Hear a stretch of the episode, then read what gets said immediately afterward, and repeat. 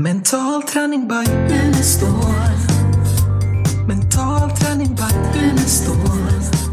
Hej och välkomna till podden Mental träning by Unestål. Nytt avsnitt, ny vecka. Lars-Erik och eh, Malin är med här i studion som vanligt. Hej på er. Hej på dig!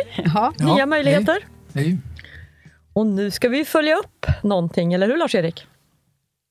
Jag vi lovade ju förra gången att vi skulle komma in på det här med anställningsbarhet.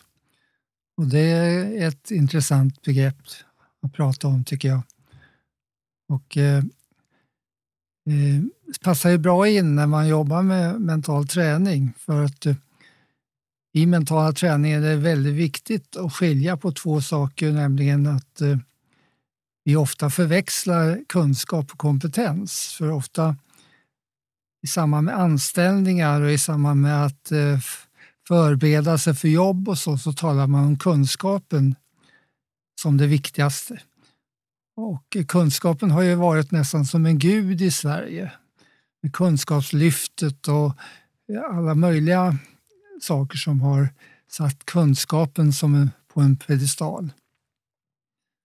Och eh, jag som kom från universitetet borde ju acceptera det, men jag fann redan när jag hade börjat som lärare vid Uppsala universitet i slutet av 60-talet, när vi hade ett seminarium med en amerikansk professor i pedagogik, så ställde han frågan till oss lärare, vad är syftet med det ni gör? Och mina kompisar sa ungefär att syftet är väl att undervisa på ett sådant sätt att studenterna lär sig. Det vill säga kunskap som mål.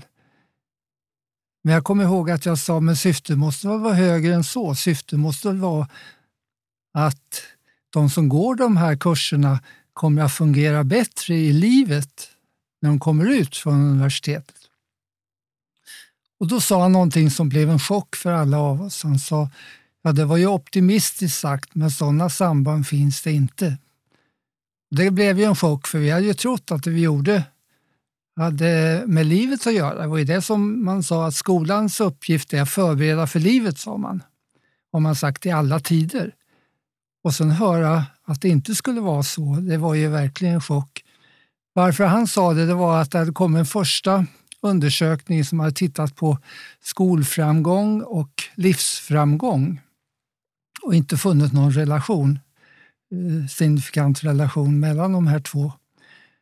Och eh, vi trodde ju att det, det kan väl inte gälla, det måste väl vara en felaktig undersökning. Så- Men sen kom det flera undersökningar som tydde på samma sak och jag har följt det här fram till idag, eh, 50 år senare och inte funnit en enda vetenskapligt studie som har kunnat visa på något påtagligt samband mellan hur det går i skolan och hur det går i livet. Och eh, då kan man ju fråga sig, eh, det har väl lite med hur man mäter då de här sakerna? Jo, skolframgång är lätt att mäta. Det har ju med kunskaps... Eh, inte kunskap i sig, utan redovisad kunskap, hur man klarar proven. Eh, med livsframgång då, vad har det? Ja, det har man ju ofta tittat på till exempel ekonomi, ekonomisk framgång. Men där verkar inte finnas någon, någon samband. Eh, jag tittar på de sex rikaste männen i världen för ett tag sedan. Alla av dem hade en mycket bristfällig skolgång. Ingvar Kamprad var ju den svenska representanten eh, från de här sex länderna och han hade ju sjuårig folkskola och så vidare. Så där fanns det inget samband som, som det verkade. Man tittar på till exempel eh, livskvalitet eller eh, hur, man, eh, hur lycklig man blir och så, så finns det heller inga samband mellan eh, kunskapsnivå och lycka. Och, så eh, då kan man fråga sig, vad är det egentligen vi, vi eh, undervisa för? Ja, i mental träning, Elene, det kan ju du säga också, att där eh, blir man inte, om man ska till exempel bli mentalt stark, då går man inte in och läser tio böcker om mental styrka. Det är precis som med, på ditt område Malin, att om man har dålig kondition så spelar det ingen roll hur många böcker om kondition man läser. Man får inte bättre kondition ändå. Så här är det alltså en skillnad mellan kunskap och kompetens. Kompetens är alltså hur man klarar livet. Och det har vi förväxlat ofta ända fram till nu. Många eh, kompetenshöjande kurser har varit rent kunskapshöjande kurser. Så det var en orsak till eh, att jag slutade på det vanliga universitetet och startade ett eget universitet 1990 för att jobba med livskompetens, jobba med det som är viktigt med eh, utbildningen, nämligen att, att bli kompetent.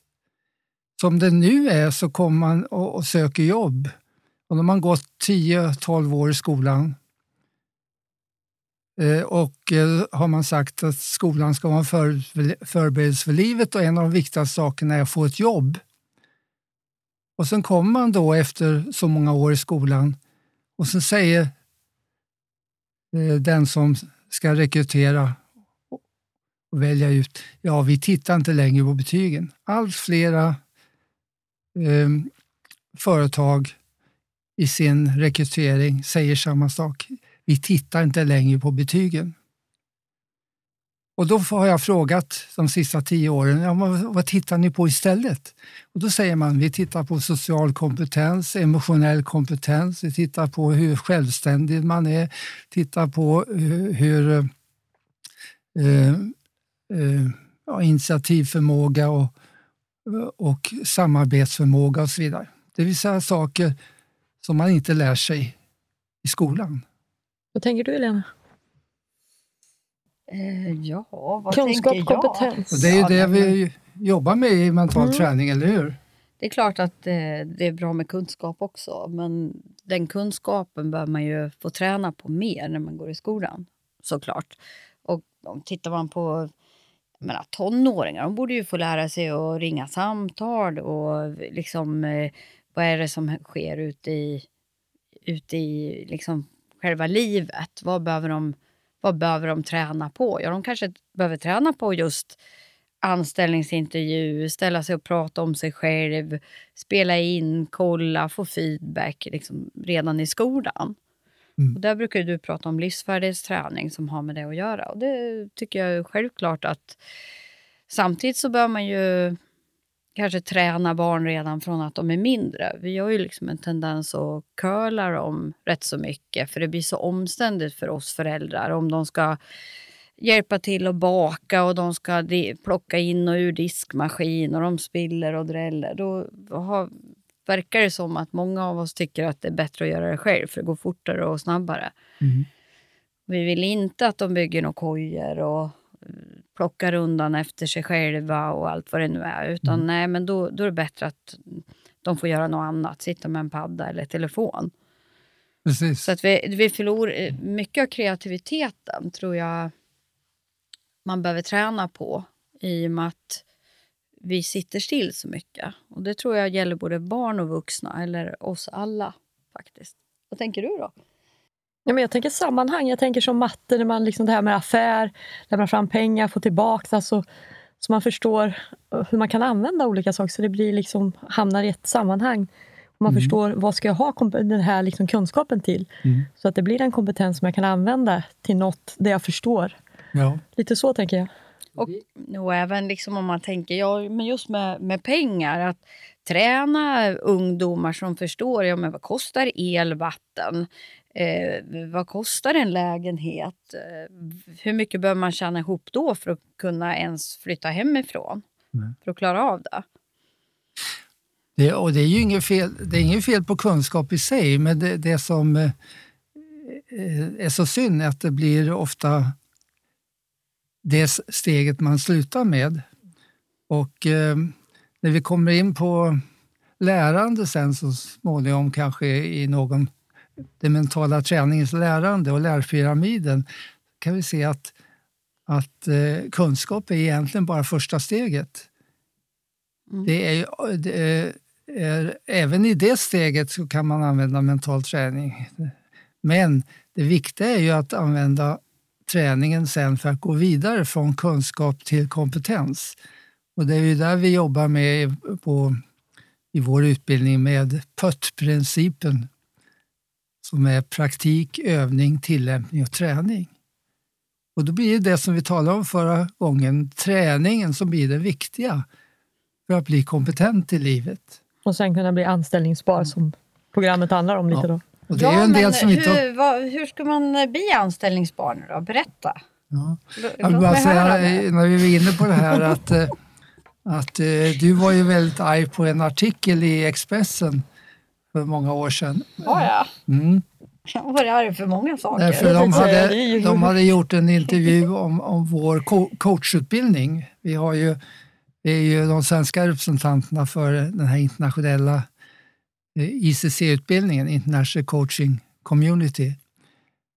Och eh, eh, då skrev de när, när de presenterade den här för, för att då hade de intervjuat, vi hade då en sån utbildning i Thailand på vår kursgård där. Och då skrev de i Expressen eh, en stor rubrik Certifierad coach genom nio dagar i solen. Och då hade de alltså helt missuppfattat den utbildningen. Den utbildningen är på ett halvår. De här nio dagarna, det är själva kunskapsdelen. De andra fem och en halv månaderna, de är träningsdelen. Där man får jobba och träna och tillämpa. Och så är det i våra utbildningar. Kunskapsdelen finns med, men det är själva tillämpningen, praktiken, övningen, att bli kompetent som är det viktiga i vår utbildning. Och som eh, var, gjorde att vi kallade eh, ledarskolan då för eh, en livskompetens livskompetensutbildning, en livsskola. Och som skulle för, eh, ta upp också det här med anställningsbarhet. För när man frågar då vad tittar du på istället? Så säger de alltså kompetensfaktorer, emotionell, social och så vidare. Tar man social kompetent eh, och då brukar, som ni vet, vi brukar fråga i kurserna vem av er är mest kompetent, socialt kompetent? Och så får man välja någon. Och så brukar vi intervjua den personen och säga, jaha, du, du har blivit vald här som den mest socialt kompetenta. Tar du det som en komplimang? Ja, visst. Jaha, hur många kurser har du gått i social kompetens? Nej, jag har inte gått någon kurs. Jag har inte gått någon utbildning i det. Nästa fråga, vet du om hur du gör för att vara så socialt kompetent? Nej, jag bara är mig själv. Här har vi alltså någonting som hos många arbetsgivare är viktigare än betygen. Man har inte en enda utbildning, man vet inte ens om hur man gör för att bli det. Det är alltså oerhört viktigt att hitta utbildningar då, där man blir kompetent i livet. Det är ju det som har betydelse i arbetslivet. Då. Och det är det som ingår då i, i uttrycket anställningsbarhet. För själva saken man behöver kunna i ett jobb, det säger många arbetsgivare, ja det som jag behöver kunna rent praktiskt, det lär man sig på några veckor. Vad är det för kriterier för att vara socialt kompetent? Tycker du? Vad är det som ingår i det? Ja, nu pratar vi lite fluffelullull, liksom. Vi pratar om någonting som, som eh, är någonting som kommer inifrån, eller har man det, eller kan man träna upp det, och hur tränar man upp det? Är det inte lite som det där uttrycket att möta bönder på bönders vis och visa män på visa? Är inte det en, en sån del i det hela? ja. Ja, men vad, vad tycker du är, Ingo, vad, vad tror du är själva liksom, nyckeln för att vara socialt kompetent? ja alltså eh, i och med att de som blir det inte har, har gått någon utbildning för att bli det så bygger det inte på att man att man eh, Hur vet du det? Coachande Eh, fråga. Utan de- de har ju fångat upp och jag tror att eh, en av största orsakerna till det, det är förebilder. Eh, förebildsinlärning, det är ju så som barnen lär sig till exempel. De lär sig väldigt mycket genom att titta på andra. Och man vet att eh, till exempel optimism går vidare från föräldrarna till barnen genom att man upplever saker hos någon annan. Barn lär sig, eh, lär sig eh, fysisk aktivitet, simma och så vidare bara genom att titta på någon annan. Jag tänker också att man läser in andra och är väldigt öppen för att se liksom och lyssna och verkligen mm. Mm. inte vara i sina egna sinnen som vi pratar om, utan ta in den andra. Det jag tror är nyckeln till, om vi nu pratar social kompetens, så tror jag att det är att, att du har tränare till att vara trygg i dig själv, att du älskar dig själv, att du vågar vara dig själv, att eh, man vågar göra misstag utan att jag tar det personligt utan faktiskt kan skämta om det själv om, om det går åt skogen. Ah, shit, där gick det inte så bra. Ja, men jag ber om ursäkt. Alltså på något vis att du har byggt upp ditt inre till en helhet där, där både det jag gör externt, utåt, det jag säger, hur jag beter mig, vad jag har för kroppsspråk, miner stämmer överens med hur jag känner mig inombords. Det tror jag är mm. jätteviktigt. Men också kunna ta in en annan människa så att man inte hamnar bara... Alltså att ha hela den biten med sig för att ha tid över för den andra. För att liksom också kunna ta in. Ja, mm. absolut. Mm. Jo. Jag tror det är jätteviktigt. Det är, ju, det är ju ett komplement till det här som eh, jag pratar om när, när vi, vi till exempel tittade på att man kunde lära sig spela golf utan att ta i en klubba. Så byggde det på att man i ett avspänt kopplat tillstånd upplevde människor som var väldigt kompetenta och eh, identifierade sig med dem. Och, och, så är det ju också med, med eh, eh so, eh, social kompetens från början. Då, att, eh, det har mycket med identifikation med föräldrar och, och så att leva in. Men sen kommer nästa steg att man också kan träna det Eh, Eh, rent avsiktligt som du är inne på. Då, då kommer ju till exempel eh, ditt specialområde in, eh, nämligen kommunikation. Att eh, lära sig di dialogmetoden och att eh, kunna ha, gå från debatt D till D3-dialog där man sätter sig in i någon annan situation och där man lever sig in i, i hur, hur de andra tänker och så vidare. Som är en konfliktförebyggande åtgärd men också höjer den sociala kompetensen. Så det finns en rad sådana saker som man också kan träna. Ja, men det är ju många som, som gärna helst inte vill modellera sina föräldrar i rätt så mycket. är ju. Vill, men man gör det utan Ja, men det är det jag menar. Mm. Du sa att man kunde ha föräldrarna som förebild, men kanske, man kanske ska välja sin egen förebild.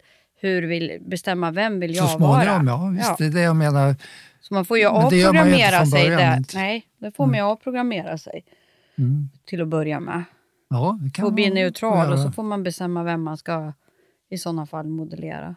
Eller också träna. Hur vill jag bete mig i en viss situation? Hur vill jag bemöta andra? Hur hur eh, vill jag må om jag står och ska hålla tal eller prata med någon eller vad det nu är. Mm.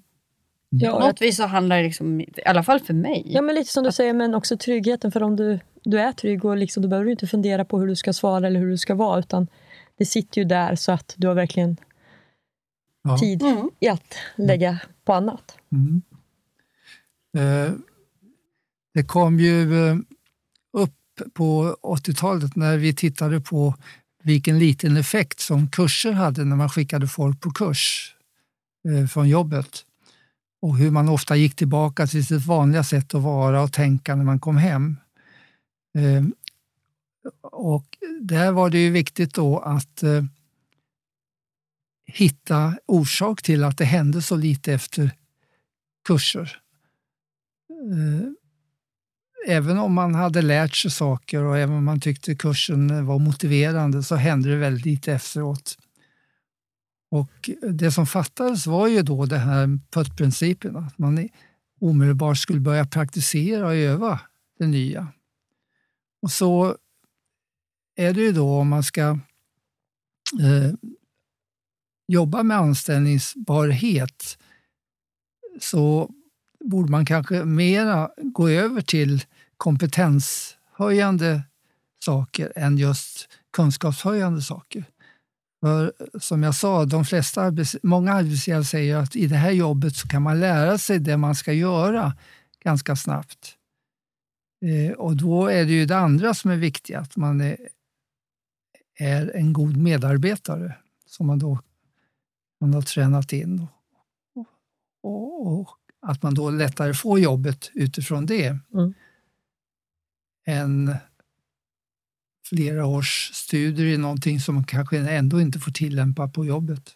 Man säger, det jag tänker så här, någon som har varit kanske långtidsarbetslös eller långtidssjukskriven och ska liksom tillbaks till sitt jobb eller söka ett jobb.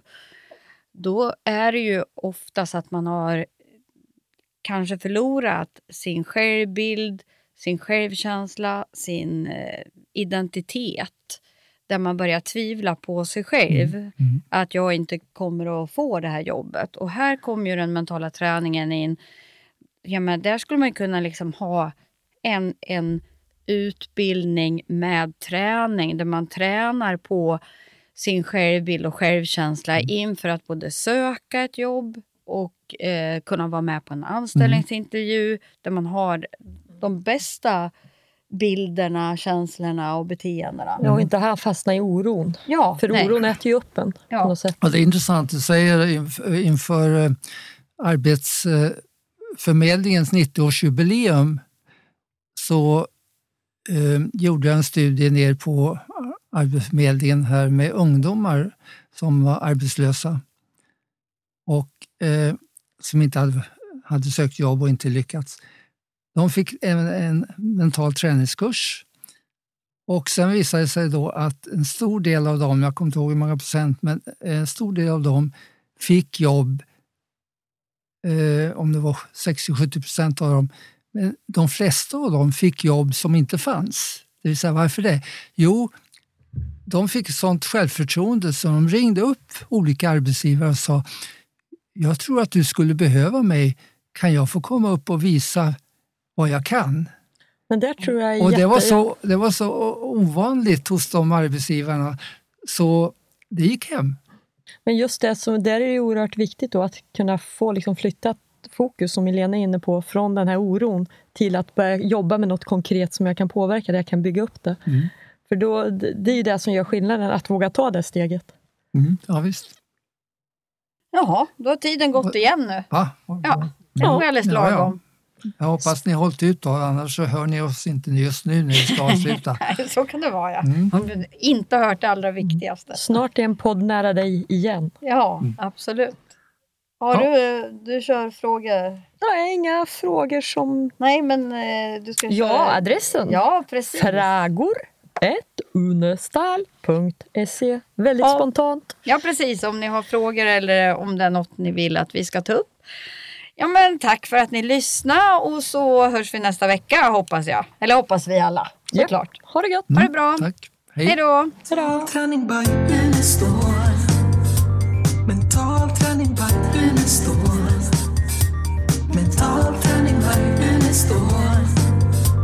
Mental träning, vagnen är stor. Hey, hey.